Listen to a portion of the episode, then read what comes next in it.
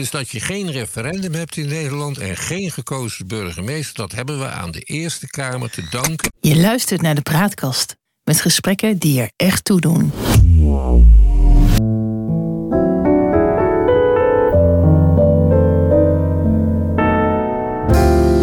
Welkom bij de Praatkast.nl. Dit is een aflevering van het Geheugenpaleis. Mijn naam is John Knierim en samen met Han van der Horst maken we deze podcast.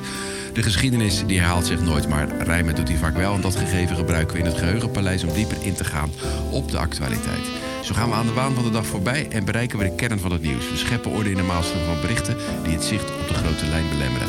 En tussen beiden blijkt dat de werkelijkheid vaak genoeg elke fantasie te boven gaat. De verkiezingen die komen eraan. We kiezen de provinciale statenleden. En deze statenleden die kiezen uiteindelijk de Eerste Kamer. Een goed moment om er weer eens even bij stil te staan. Maar Han, volgens mij worden dit hele belangrijke verkiezingen.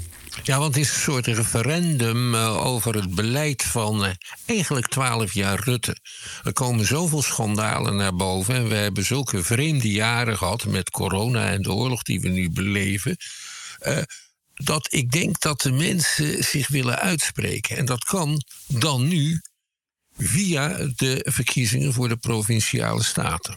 Ja, en de peilingen wijzen op een slagveld. Ja, uh, de coalitie heeft al een minderheid in de Eerste Kamer, maar dat kon men altijd wel oplossen met bepaalde concessies en gelegenheidscoalities. Maar als die peilingen echt kloppen, dan uh, wordt uh, de minderheid van de coalitie in de Eerste Kamer spectaculair. Ja. En dat, dat leidt er dan toe dat, dat eigenlijk die Eerste Kamer ook een. eh, dat daar ook echt keiharde politiek bedreven gaat worden. Net zoals in de Tweede Kamer, denk ik. Dat uh, zou best kunnen. Als de, het kabinet Rutte 4 valt vanwege tegenkanting in de Eerste Kamer, dan is het wel de eerste keer dat de Eerste Kamer echt een regering ten val brengt sinds de oprichting in 1815. Maar daar zijn de, de staatsrechtgeleerden het niet over eens of als de Eerste Kamer het vertrouwen opzegt, het kabinet moet vertrekken. Um, ze kunnen dan het verder regeren wel onmogelijk maken als die Eerste Kamerleden hardnekkig blijven. Het hangt natuurlijk ook erg vanaf hoeveel steun ze dan krijgen van de Tweede Kamerleden. En in de 19e eeuw is het wel eens een paar keer gebeurd dat de Eerste Kamer uh, in feite een minister wegstuurde. Maar daar viel het kabinet niet, dan verdween die minister. Ja, maar wat we eigenlijk zouden kunnen zien is dat die oppositie zo sterk wordt dat ze alle plannen die het kabinet voorlegt wegstemmen. En Ja. misschien ook een motie van wantrouwen indienen. En dan maken ze de facto ehm, het regeren onmogelijk. Ja, daarvoor is wel een monsterverbond nodig van links en rechts. Want dan zullen eh, PVV en GroenLinks en de Partij van de Dieren gezamenlijk, en nog een paar partijen, die eh, motie van wantrouwen moeten indienen en ondersteunen. Waar de huidige regering op hoopt, is dat ze door het maken van deeltjes naar links en straks meer naar rechts, toch steeds gelegenheidsmeerderheden tot stand kunnen brengen. Ja. En dat voorwerk dat wordt dan gedaan. En eh, dat betekent dat als er een wetsvoorstel komt, ze eerst even gaan luisteren bij de oppositie wat die willen. Ja. Eh, om op die manier ervoor te zorgen dat er voldoende steun is. Ja. Dus dan uh, wordt uh, de bedding waarin de rivier Rutte 4 stroomt, wordt gewoon een stuk smaller. Daar Ja. hoopt hij op, denk ik. Ah, je kan het ook op een positieve manier bekijken en zeggen van nou, dit is toch de ultieme vorm van, eh, van democratie. Ja, hoewel de Eerste Kamer eigenlijk is opgericht. eh, niet helemaal om die reden, maar een beetje is opgericht om de volksinvloed te temperen. Omdat men meende eh, dat het volk niet altijd wijs genoeg was, maar oude en belangrijke heren wel. En die konden er dan nog eens een keertje naar kijken. Ja, vandaar ook wel de term chambre de réflexion, kamer Ja. van reflectie. Ja, maar als wij dan het, debat tussen de fractieleiders van de Eerste Kamer hebben gezien, zoals Rick Mie- Nieman dat leidde in zijn programma WNL op zondag, dan moet je toch wel afvragen of de stelling de wijsheid komt met de jaren, of die wel klopt. Want Nou, het was verschrikkelijk om naar te kijken. Krakeel, eh, demagogen die niet het talent hebben om werkelijk demagogie eh, te bedrijven. Gekrakeel, niet naar elkaar luisteren, was echt beneden de pijl. Ik denk ook niet dat Rick Nieman, die toch een serieuze journalist is, met veel genoegen op dit eh, gebeuren terugkijkt. Ik denk dat het er alleen maar toe heeft geleid dat er meer mensen thuis zullen blijven op 15 maart. Wat een niveau, niet te geloven. En van iedereen, hè, zonder één uitzondering. Precies, ja. Ik zat te kijken en ik denk... Hadden we nog maar een Frits Bolkestein? Hadden we nog maar een Hans van Mierlo? Hadden we nog maar een, een, een Molly Geertsema? Weet je, dat soort figuren. En die Nou hebben we duidelijk niet meer. Nee, nee. En wat een armoe, wat een armoe. Nou goed, die Eerste Kamer eh, maakt deel uit van de wijze waarop wij de staat hebben ingericht. Eh, Kan jij nog eens uitleggen aan de luisteraars welke plek dat nou in eh, ons staatsrecht inneemt, die Eerste Kamer? Nederland heeft in tegenstelling tot Engeland bijvoorbeeld helemaal geen traditie met een, met een Eerste Kamer of een Hogerhuis. Wij kenden in Nederland sinds 1464 de Staten-Generaal. Eh, algemene staten betekent dat. En staten is een ander woord voor standen. Dus dat was een vergadering waar de leden van de provinciale standen hun vertegenwoordigers naartoe stuurden. En die standenvergaderingen van de provincie, de staten, ja, die bestonden uit vertegenwoordigers meestal van de steden en de adel. En het eh, hing een beetje van de provincie af hoe machtig de adel was. En of hoe machtig de steden. In de provincie Holland bijvoorbeeld hadden de steden 19 stemmen en de adel eentje.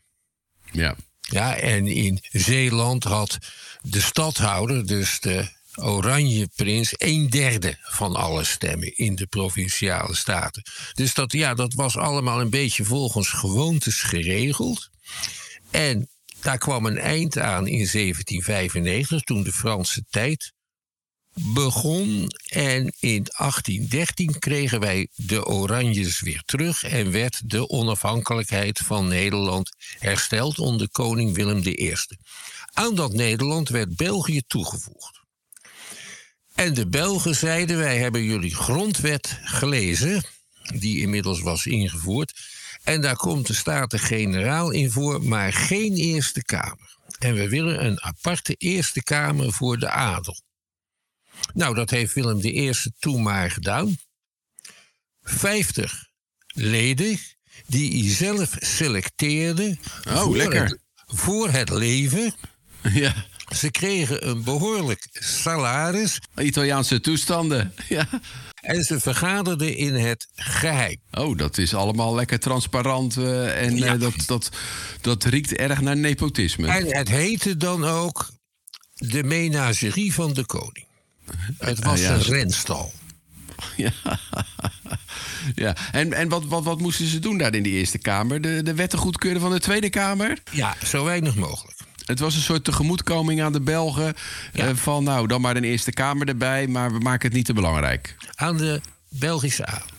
Aan de Belgische adel, oké. Want in Frankrijk had je ook had je chambre des pairs voor de adel. En in Engeland had je het Hogerhuis. Dus dat moest in het Koninkrijk der Verenigde Nederlanden ook komen. Maar moesten zij dan wel die wetten goedkeuren van de Tweede Kamer? Ja, maar dat deden ze ook gewoon, want ze waren door de koning benoemd. En die Tweede Kamer, dat, als ik dan uit ga leggen hoe die werd samengesteld, dat is veel te ingewikkeld. Maar dat, dat was ook niet erg transparant en democratisch, eh, schat ik zo in. In feite was Willem I een soort alleenheerser. Hij moest Ja. alleen een aantal zaken in bespreking geven voordat hij zijn eigen zin deed. Ja. Nou, dan praten we zo rond 1800, hebben we het dan over. Ehm, maar er komt een einde aan de machten van de koning. En dat komt door meneer Thorbecke, dat denk ik. Dat komt door meneer Thorbecke. Die vond de Eerste Kamer absolute flauwekul. Dus die stelde voor om dat dan maar op te heffen. En die ontdekte gauw dat als hij succes wilde hebben met zijn ideeën over de grondwet, dat er dan toch een soort Eerste Kamer moest blijven omdat hij anders niet genoeg handen op elkaar kreeg. Toen hebben ze het volgende verzonnen. Of althans, er komt een Eerste Kamer naast de Tweede Kamer. De leden van de Eerste Kamer worden niet meer door de koning benoemd, maar door de leden van de provinciale staten uh, gekozen. En uit wie dan? Uit de rijkste mannen in elke provincie. En het hing dan van de rijkdom van de provincie af. Hè? Uh, hoe rijk die mannen dan waren, want het waren de hoogst aangeslagenen in de belastingen. En ja de namen van die mensen met de hoeveelheid belasting die ze betaalden, die werden gepubliceerd in de staatscourant en die werden door de dagbladen overgenomen. Dus dan kan je nu, is dat handig voor historici, dan kan je uitzoeken wie de rijkste waren. Ja. Maar, maar werkt het dan zo dat, dat uh, die provinciebestuur of die provinciale staten, ja. die, uh, die kozen dan uit die rijkste mensen? Ja.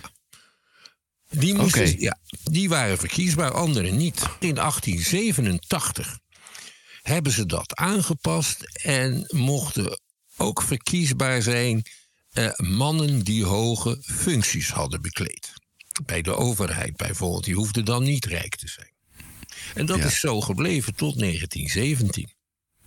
Maar dat betekent dus dat uh, het systeem van een Tweede Kamer en een Eerste Kamer in 1848 uh, is ingesteld.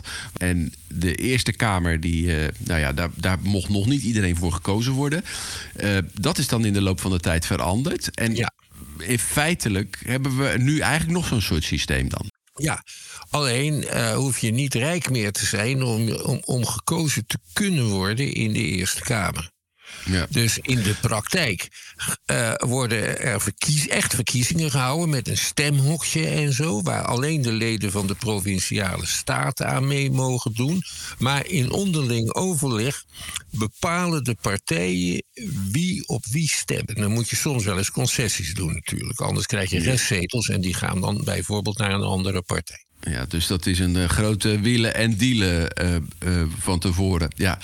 Zou je kunnen zeggen dat door die provinciale staten die dan op een, zo noemen we dat dan, een getrapte manier uiteindelijk die Eerste Kamer kiezen, dat daardoor ook iets van de evenredige vertegenwoordiging losgelaten wordt. In de zin van, van dat het meer districtenstelselachtig is. Op die manier wel, maar het is maar één lijst. Dus het is niet ja. zo dat een. ja, ja. ja, het is alleen zo dat, dat het per provincie eigenlijk dan ja. bepaald wordt. Ja. En het idee is dat door die getrapte verkiezingen uh, er wijze mensen gekozen worden. Dat is een heel oud idee. Ja. Wat ook een beetje uit de Franse Revolutie en uit de Amerikaanse Revolutie stamt. Van het volk, iedereen moet stemrecht hebben. Alle mannen, hè, niet alle vrouwen. Alle mannen moeten stemrecht hebben. Maar ja, mensen weten vaak niet zo goed wat de werkelijke problemen zijn. Dus laat ze nou een kiesman kiezen. En die kiesman die kiest dan het parlementslid. En in Amerika bestaat dat nog voor uh, de presidentsverkiezingen. Dat zijn die kiesmannen waar je altijd over leest. En die houden ook echt een vergadering om de president te kiezen. Zijn ze in een half uurtje mee klaar, maar ze doen het wel. Dat is eigenlijk een beschermingsmechanisme van de democratie. Zo moet Thorbecke dan bedacht hebben. Ja, nou, Thorbecke dacht, laten we dit maar doen. Maar meer uit pragmatiek dan dat hij zag dat het een goed systeem was. Ja, hij ja. dacht, nou, wie weet is het dan nog wel ergens goed voor. Hè? Het is natuurlijk, ja. heeft een vertragende werking. Ja. Uh, dat idee van het is de chambre de réflexion, hè, dus uit de tijd dat de mensen nog Frans spraken. Uh, het is de kamer van het nadenken, waar nog eens goed gekeken wordt of er geen fouten in wetten zitten, of ze wel uitvoerbaar zijn, of het juridisch allemaal kan. En dat is heel erg goed. En een paar maal maar heeft de Eerste Kamer een, uh, een wet, wetten tegengehouden of besluiten tegengehouden. Eentje bijvoorbeeld in 1930, toen was er een, had de Tweede Kamer een plan goedgekeurd om een kanaal van Antwerpen naar de Rijn toe te staan. Dat was een grote concurrent, zou dat van Antwerpen een nog grotere concurrent van Rotterdam maken. En toen is er onder leiding van een Rijkswaterstaat-ingenieur een hele grote landelijke actie gevoerd tegen dat kanaal. En toen heeft Mhm. de Eerste Kamer dat kanaal afgewezen en daardoor ging het niet door. Grote overwinning voor die waterstaatsingenieur. En die is toen in de politiek gegaan, want dat was Mussert en hij richtte de NSB op. Was dat Mussert die dat geregeld heeft? Ja, die heeft de, de, de, nationale actie tegen dat kanaal op touw gezet. Niet in het Nederlands belang. Ja. Wat een bijzonder verhaal. En daar had hij wel gelijk in, of niet? Eh, eh, Eh, nou ja, dat weet ik eigenlijk niet, want het is er nu wel. het, ja, dus misschien viel het wel weer mee. Ja. Ja. Nou, laten we hem niet te veel eer toedichten dan. eh. Ik herinner me ook nog wel van, van recenter eh, eh, verleden... De Nacht van Wiegel. Dat was een van de laatste gloriemomenten van Wiegel. En het ging toen volgens mij vooral om Hans Wiegel. En Hans Wiegel is eigenlijk een VVD-corrivee. Iemand die de VVD eh, groot heeft gemaakt. Eh, een, een fel tegenstrever van Joop den Uyl eh, in de tijd. in de Tweede Kamer. En later is hij, nadat hij ook nog commissaris van de Koningin is geweest in Friesland... is hij in de Eerste Kamer terechtgekomen. Ja, en daar heeft hij een wet tegengehouden die door het tweede kabinet Kok, mind you, het tweede kabinet Kok met daarin De VVD. eh, een wet tegengehouden die een correctief referendum in wilde voeren. Dus waar ze nu nog steeds na 23 jaar heel moeizaam aan zitten te knoeien.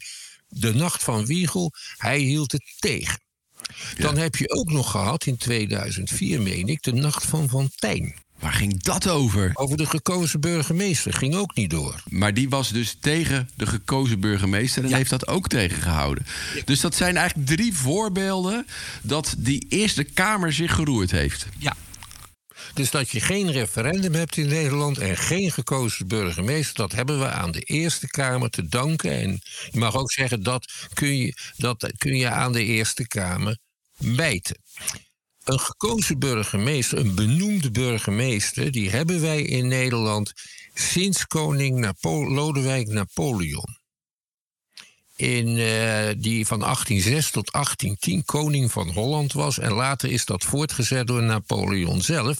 Want het doel van een burgemeester in de ogen van de Napoleons was het uitvoeren van landelijke regels en er toezicht op houden dat dat ook gebeurde. Dat is nog steeds een belangrijke taak van de burgemeester. Ik ben heel erg voor een gekozen burgemeester in Nederland, maar dan moet je het takenpakket wel veranderen. Wat, wat zit er dan nu in dat er niet in hoort dan? het toezicht houden namens de, na- de nationale en de provinciale overheid. Dat zit er nog op allerlei manieren in. En als je een, eh, van de, de, de burgemeester de lokale president maakt, of de lokale minister-president, dan moet je ook wat doen aan het takenpakket. Ja, ik begrijp wat je bedoelt. Nou goed, we drijven een beetje af eh, van, het, eh, van het onderwerp. Ehm, die, die Eerste Kamer ehm, heeft dus een paar keer zijn tanden laten zien. Ze vergaderen ook maar één keer in de week. Dus daar kan je niet al te veel doen.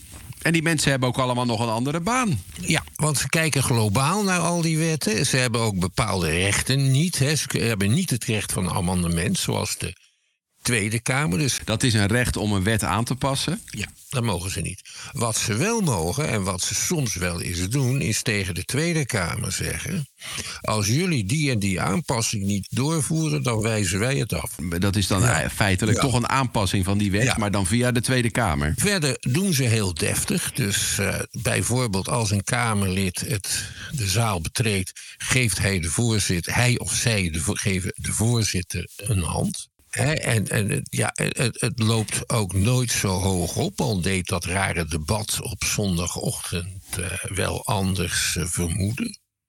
Het zijn er ook maar 75. Tot 1956 waren het er 50. 100 Kamerleden werden toen 150 Kamerleden. En 50 Eerste Kamerleden 75. Uh, ze kregen ook een, een, een, vergoeding voor hun activiteiten, maar die is lang niet zo hoog als die van de Tweede Kamerleden. Dus het idee een Eerste Kamerlid verdient, krijgt een hoop geld om daarmee beloond te worden. Bijvoorbeeld voor loyaliteit, dat bestaat ook absoluut niet meer sinds Thorbecke er zich mee ging bemoeien. Ja. Wat is nou de reden dat je eigenlijk in heel veel landen toch hebt een, een, systeem met twee kamers. We hebben in, in Engeland dan natuurlijk een, de House of Commons, heet dat volgens mij. In Amerika hebben we het Senaat en de Huis van Afgevaardigden, moet ik het zo zeggen. Dan, in Frankrijk zou je ook wel zoiets hebben. Uh, misschien in Duitsland ook wel. De Bundesraad. Um, ja, en, en Waar, waar, komt dat vandaan? Waar, waarom hebben ja, staatsinrichters bedacht dat dat toch een handige manier was om het zo te organiseren? Twee redenen. De adel moest zijn eigen plekje hebben in de tijd dat de adel nog belangrijk was. En ten tweede, er moet een tweede controle zijn.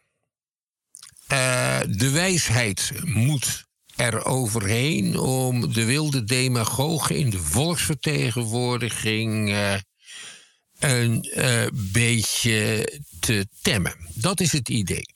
In Engeland hebben ze dat hogerhuis al heel lang. Um, dat had aanvankelijk net zoveel macht als het lagerhuis. En hmm. alle edelen van Engeland waren in principe lid, al kwamen er nooit meer dan een paar honderd opdagen. En in 1911 had Engeland een liberale regering die vond dat dit toch te gek was. En die hebben toen besloten de macht van het Hogerhuis te beknotten. Het enige wat ze nu in feite kunnen is uh, de invoering van een wet twee maanden uitstellen. Nou, lekker belangrijk. Daar was het Hogerhuis natuurlijk heel erg tegen. En toen zei de koning: Als jullie zo doorgaan, benoem ik zoveel industriëlen en bierbrouwers en advocaten en ander, ander gepeupel uh, tot graaf, dat er wel een meerderheid voor is. En toen hebben de edelen eieren voor hun geld gekozen. Zijn er van voorbe in voorbeelden in, in Engeland dat zij in de afgelopen 30, 40 jaar van invloed zijn geweest op dat hele wetgevingsproces? Of, of dat is, is eigenlijk niet, niet, zo? Niet echt, maar het is wel heel mooi om te zien en heel leuk. En in het algemeen zie je dat uh, politici die in de adelstand verheven worden, die worden daarmee automatisch lid van het Hogerhuis. Ja. Daarmee zijn ze ook onschadelijk gemaakt. Ja, ja, ja. Dus dat, in die zin zat er ook nog iets anders achter. Van we moeten maar zorgen dat ze ze een beetje tegen de borst drukken. En je ziet ook altijd prachtige foto's en filmopnames van dat hoge huis. waarbij zeker een derde van de leden hoogbejaard is en lid zit te slapen. Ja, ja. Hey, Frankrijk, hoe, hoe gaat het daar? Nou, heeft, daar hebben ze ook zo'n senaat ingevoerd. Dat is ook een ideetje van Napoleon. Met de senatoren lekker goed belonen en zo. Die heeft weinig invloed. De belangrijkste senaat die er is, is denk ik de senaat in de Verenigde Staten. Ja. Uh, die zeker in macht niet onderdoet voor het Huis van Afgevaardigden. Elke, deelstaat, elke staat in de, van de Verenigde Staten groot of klein, dat maakt niet uit, benoem, kiest twee senatoren. Vroeger werden die senatoren door de volksvertegenwoordiging, de volksvertegenwoordiging van die staten gekozen, maar tegenwoordig gaat dat rechtstreeks. Ze zitten er ook lang, ze zitten er zes jaar. En elke drie jaar wordt er een nieuwe, wordt, eh, is, is er voor één van die twee senatoren één verkiezing. Ja, en je eh, ziet dat dat in Amerika uh, op heel veel vlakken tot een standstill leidt. Dat, er, ja, dat, ze houden elkaar al, al de afgelopen 20, 30 jaar in een soort wurggreep... Ja. waarbij het maar heel moeilijk is om vooruit te komen. Ja, je ziet ook dat senatoren in de publiciteit enzovoort... en het publieke debat een heel grote rol spelen... terwijl je van Eerste Kamerleden niet zoveel hoort. Maar dat gaat denk ik wel veranderen na deze verkiezingen. Want het wordt gewoon een machtsfactor van belang. Daar heb je wel kans van. Uh, maar nog steeds zal het zo zijn dat rechts niet sterk genoeg is, of zeg maar extreem rechts, of hoe je dat wil noemen, BBB en rechts daarvan, niet voldoende macht zal hebben in de Eerste Kamer om uh, de regering ten val te brengen. En dat zal zeker niet lukken aan het linkse blok. En of die elkaar in de armen vallen, nou, dat weet ik niet. Maar zou de afkeer van, de huidige, van het huidige kabinet niet zodanig groot zijn bij de andere partijen dat ze een soort van monsterverbond gaan sluiten? Ja, nu zit er wel een probleem bij aan de linkerkant. Uh, en dat is het volgende. Als er Kamerverkiezingen komen, zal, heb je kans dat er een coalitie ontstaat, een coalitiemogelijkheid van VVD uh, met uh, de partijen rechts van de VVD, met. Uh, ja, 21, BBB en, en uh, lijst omzicht en ja. misschien nog een paar andere splinters hier en daar. En dan, heb, en dan zullen een aantal linkse politici denken: dan zijn wij helemaal in de aap gelogeerd. En dus? En dus gaan ze laveren. Gaat, krijgt, de, krijgt, krijgt het, eh, de regering Rutte de kans om aan de links en rechts meerderheden te zoeken. En in het zoeken van dat soort meerderheden en in het lijmen vooral is, eh, is Rutte een meester. Dat heeft hij de laatste twaalf jaar wel bewezen. Dus het wordt een, een pappen, nat houden, meebewegen, meebuigen, wielen en dealen ja.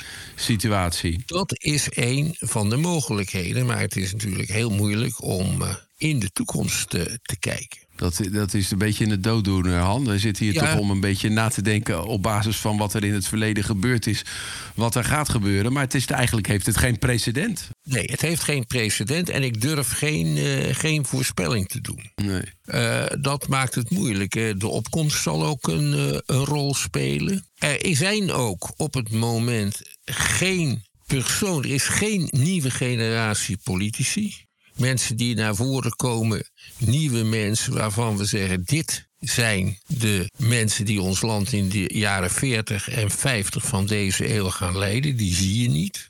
Nog niet, misschien? Nee, maar dan zouden ze wel heel snel naar voren moeten komen, denk ik. Een beetje onzekere tijden in deze toch al onzekere tijden. Ja, en dat maakt het ook gevaarlijk. Want juist in een tijd als deze, nu op het randje van een oorlog staan, want zo mag je dat wel noemen, hebben wij een regering nodig die het vertrouwen geniet van de grote meerderheid van de bevolking. En dat, wij, dat die bevolking van harte bereid is mee te werken met wat die regering wil. En het tegendeel is op het moment het geval. Dan komen we toch weer uit eh, bij eh, onze wensen voor een eh, extra parlementair kabinet. Nou, dat zou op zich helemaal geen gek idee zijn. Een, een nationaal kabinet of een extra parlementair kabinet van mensen met inzicht. En ik heb al eens eerder gepleit voor dat kabinet met als premier of Abu Taleb of Van Zalen. Maar ze moeten allebei een sleutelrol spelen. In ieder geval in dat kabinet waar ook die Bruls van Nijmegen in zit. Dat is ook iemand. Oh, vind ik zo'n enge man. Ja, we hebben daar twee, twee podcasts over gemaakt, uh, Han. En daar hebben we nog lekker ruzie gemaakt over wie daarin zou moeten. Ja, we moeten het hierbij laten voor uh, wat betreft uh, deze aflevering van het Geheugenpaleis. We maken het in samenwerking met de Praatkast. En de uitzendingen die zijn te vinden op www.praatkast.nl. Je kunt je ook abonneren op onze podcast in de podcast-app van Apple of op Spotify. En als je je abonneert, dan krijg je automatisch een bericht wanneer een nieuwe aflevering online komt. En laat vooral ook een beoordeling achter, zodat we nog beter worden gevonden. En wil je ons mailen? Stuur een bericht aan info.praatkast.nl. Voor nu bedankt voor het luisteren. En uh, tot de volgende keer. Wees gelukkig, blijf gezond en ga in ieder geval stemmen, al was het maar om te pesten.